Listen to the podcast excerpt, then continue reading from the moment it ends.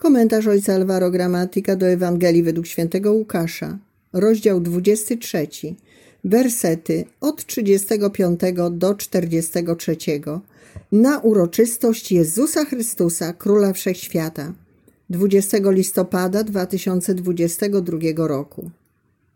A lud stał i patrzył, lecz członkowie Wysokiej Rady drwiąco mówili – Innych wybawiał, niechże teraz siebie wybawi, jeśli on jest Mesjaszem, wybrańcem Bożym. Szydzili z niego i żołnierze. Podchodzili do niego i podawali mu ocet, mówiąc: Jeśli ty jesteś królem żydowskim, wybaw sam siebie. Był także nad nim napis w języku greckim, łacińskim i hebrajskim. To jest król żydowski. Jeden ze złoczyńców, których tam powieszono, urągał mu. Czy ty nie jesteś Mesjaszem? Wybaw więc siebie i nas. Drugi, lecz drugi, karcąc go, rzekł: Ty nawet Boga się nie boisz, chociaż tę samą karę ponosisz. My przecież sprawiedliwie odbieramy bowiem słuszną karę za nasze uczynki, ale on nic złego nie uczynił.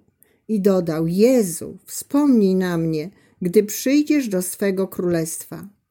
Jezus mu odpowiedział: Zaprawdę powiadam ci, dziś ze mną będziesz w raju. Ewangelia zaczyna się od przedstawienia pewnego oczywistego kontrastu. Z jednej strony jest lud, który patrzy na Jezusa na krzyżu, z drugiej zaś przywódcy, którzy go wyśmiewają. Następnie jest mowa o dwóch złoczyńcach. Jeden zachowuje się tak jak przywódcy, drugi natomiast ufa miłosierdziu Jezusa.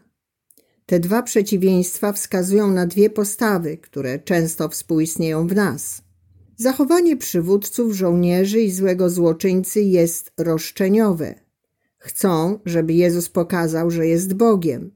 Rozbrzmiewają tu pokusy pustyni. Jeśli jesteś, to zrób.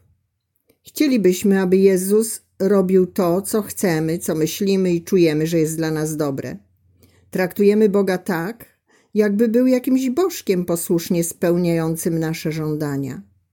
To on musi się zmienić, nie my. Jeśli przyjmiemy taką postawę, nieuchronnie pojawi się złość przeciwko Bogu i światu. Nie akceptujemy faktu, że jesteśmy tylko potrzebującymi stworzeniami. My sami chcemy być jak Bóg i decydować według własnej przyjemności. W ten sposób pozostajemy zamknięci na wszelką nowość i cuda. Złość i gorycz rodzą się z braku uległości woli Bożej i z naszego wywyższania się. Co należy zrobić? Poddać się woli Bożej. Jak? Powierzyć Mu nasze życie i dziękować za wszystko, dobre czy złe. Z drugiej strony widzimy zachowanie tłumu i dobrego złoczyńcy, którzy patrzą na krzyż, nie mówiąc nic. Jest to postawa tych, którzy potrafią oczekiwać na to, co Bóg da. Nie ma żadnych roszczeń, jest tylko czekanie. Jesteśmy wezwani do patrzenia na wydarzenia życia w postawie kogoś, kto wie, że ze wszystkiego może przyjść dar. Wszystko bowiem służy ku dobremu tym, którzy ufają Bogu i potrafią czekać. A zaufanie rodzi się z naszej bezsilności. Wskazówką, którą daje nam Ewangelia, jest dziękowanie za naszą bezsilność, aby zrodziło się zaufanie, a tym samym nauczymy się czekać na dar, który Jezus chce nam dać.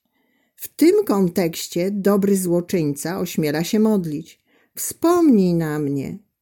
Dobry łotr nie wysuwa roszczeń, ponieważ wie, że odbiera słuszną karę. Prosi tylko, by Jezus o nim pamiętał aby nie został zapomniany. Nawet nie prosi o przebaczenie. Ten łotr chce być z Jezusem i ufa mu. Mimo, że Jezus nie robi nic dla wybawienia, choć skazani są na tę samą karę. Tu nie ma złości, ale jest prosta i szczera modlitwa.